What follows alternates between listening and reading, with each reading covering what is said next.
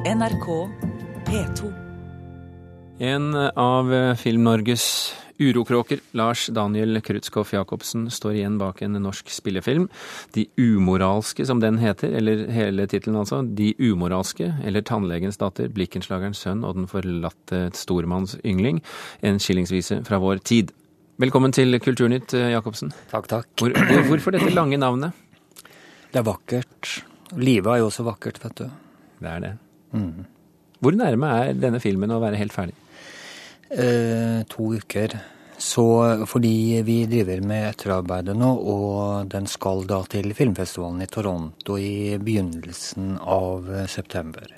Det betyr da, hvis du har rett, at eh, den blir ferdig? Ja, hvis Vår Herre vil det, og, og, og de tekniske gudene. Eh, Contemporary World Cinema-seksjonen, er det den skal, eh, eh, skal ha sin premiere i? Hvordan kom den med der? Ja, det er et under. Det er ganske prestisjefylt filmfestival, dette? Ja. Det var jo, var jo 54 nordiske filmer som ble vurdert, og av de så er det vel en ni-ti stykker som er med. Derav tre fra Norge, og med denne her så er det offentliggjort, offentliggjort to stykker. Det kommer også en i neste uke. Nei, det er fryktelig, fryktelig vanskelig. Men vi har laget med det umoralske en rar, liten, snål film som er ja, både grotesk og vakker og humoristisk og sorgfull og masse, masse ting på en og samme gang. Det er en moderne skillingsvise om eh, vakre ham som møter vakre henne, og så går det selvfølgelig ad undas og til helvete. Hvis du skal være litt mer konkret, hva handler det om? Det handler om to ikke verdig trengende trygdemottakere som heter Camilla og William. De er unge, de er vakre, de er sexy, og i stedet for å betale regningene sine, så har de da dratt til Gran Canaria og bor på femstjerners hotell. Men dette liker seg vel ikke myndighetene, og de vil ta barnet fra henne, og da flykter de opp i skogen. Men hva skal de leve av der? William kommer da på at Camilla kan gå inn i sitt gamle yrke, kanskje ikke spesielt sobert, og bli en av nattens grovarbeidere, altså prostituert. Dermed kan de tjene penger, slik at de kan kjøpe en bobil, og så dra til Spania med, og friheten å komme seg bort da fra velferdshelvete, da. Det er ikke sikkert at de når helt frem til Spania, kanskje? Nei, det er ikke helt sikkert. På veien da, så blant annet treffer de eh, den noe ukurante overklassegutten Anders og får lov til å starte horehus hjemme hos han i villaen på Vinneren, da. Hvilke forventninger har du til denne filmen rent kommersielt?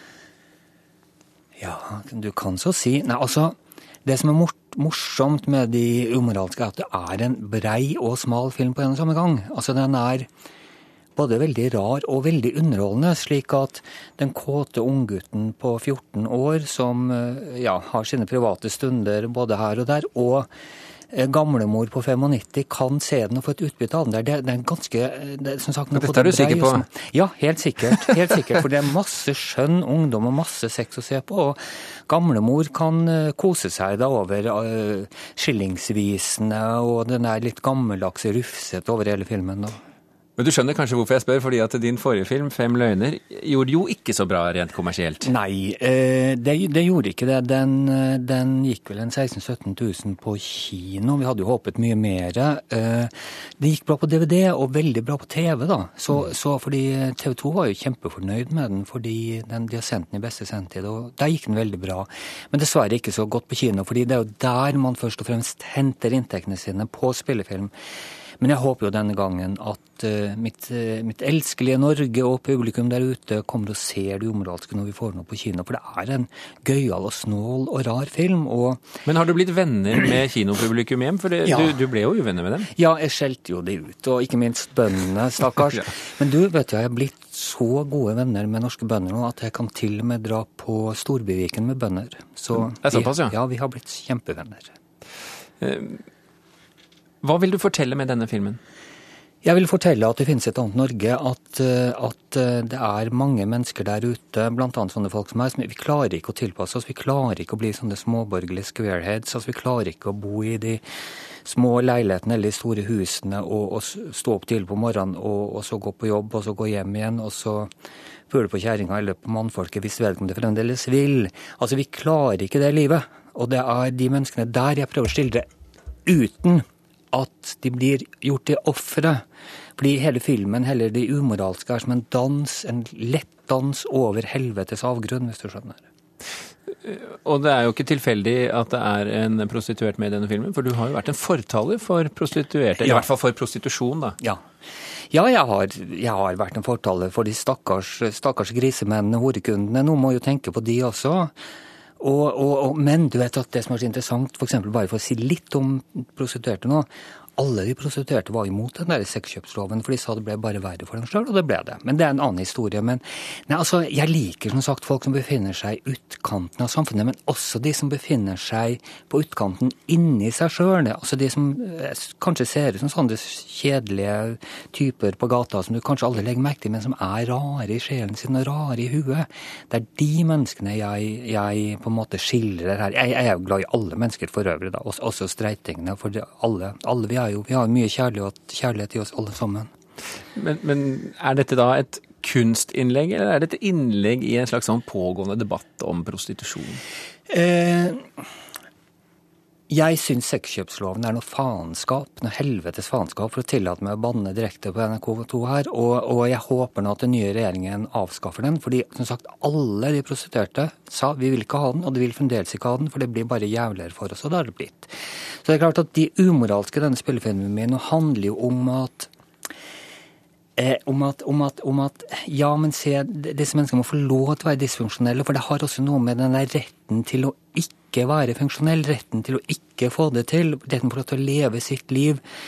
Selv om man ikke får, blir sånn, får seg en jobb eller blir verdig trygdemottaker osv. Men, men hvordan henger det, dette sammen med det som jeg opplevde da du svarte på det i stad, en litt sånn, sånn slags gladsexfilm? Ja, ja, men det er det. Den er, den er, den, det er det. fordi fordi jeg er veldig veldig opptatt av at jeg er så lei av at offeret Altså Det er jo to ting som det er, har status å være i Norge. Det er enten å være en vinner eller å være et offer. Og det der offermytoset er veldig veldig sterkt i det norske samfunnet. Men offeret presenteres alltid som noe faen stakkarer. Og det er, sånn er det ikke. Offeret er mennesker. Vi har f.eks. med en sånn en i det umoralske, en rullestolbruker som, som, som, som, er ganske grotesk og ikke gidder å betale regningene sine, har plassert faren sin på gamlehjem mot hans vilje osv. osv. Ja, altså, for, altså, også folk som sitter i rullestol, folk med psykiske problemer, folk som sliter, de er også hele mennesker, og de er like egoistiske som deg og meg. Li, altså, altså vi, det er ikke noe heltid bare fordi nei, er Nei, nei, nei, nei. Og de er ikke ofre. Vi gjør oss selv alle så veldig veldig lett til ofre. ikke sant? Og det er en veldig behagelig posisjon å legge seg i, og så er det synd på oss. Og jeg tror alle mennesker gjør det i perioder av livet sitt. Men, men, men, så, ja, men, men offeret er hele mennesker. Jeg tror det er det som er noe av budskapet i det umoralske. At, at de, de kan også være sterke, og de kan også være urettferdige og fæle, som alle andre. Når får vi se disse ofrene på norske kinoer? Ja, det er det, da. Jeg håper at vi får det til en gang mot slutten av høsten eller begynnelsen av nyåret. da. For det er en veldig... En julefilm? Ja, altså det er Ja, men du vet jo det at Tenk så deilig å komme og se unge mennesker som knuller, og fæle horekunder, og um, søt, ungdommelig, naiv kjærlighet midt mellom julesteika, og så slippe den der grusomme, forferdelige julefeiringen som man blir veldig fort lei av. Tusen hjertelig takk, Lars Daniel Krutskov Jacobsen, for at du kunne komme med disse oppløftende ord på eh, slutten av eh, intervjuet. Tusen hjertelig takk for at du kom til Kulturnytt. Hør flere podkaster på nrk.no podkast.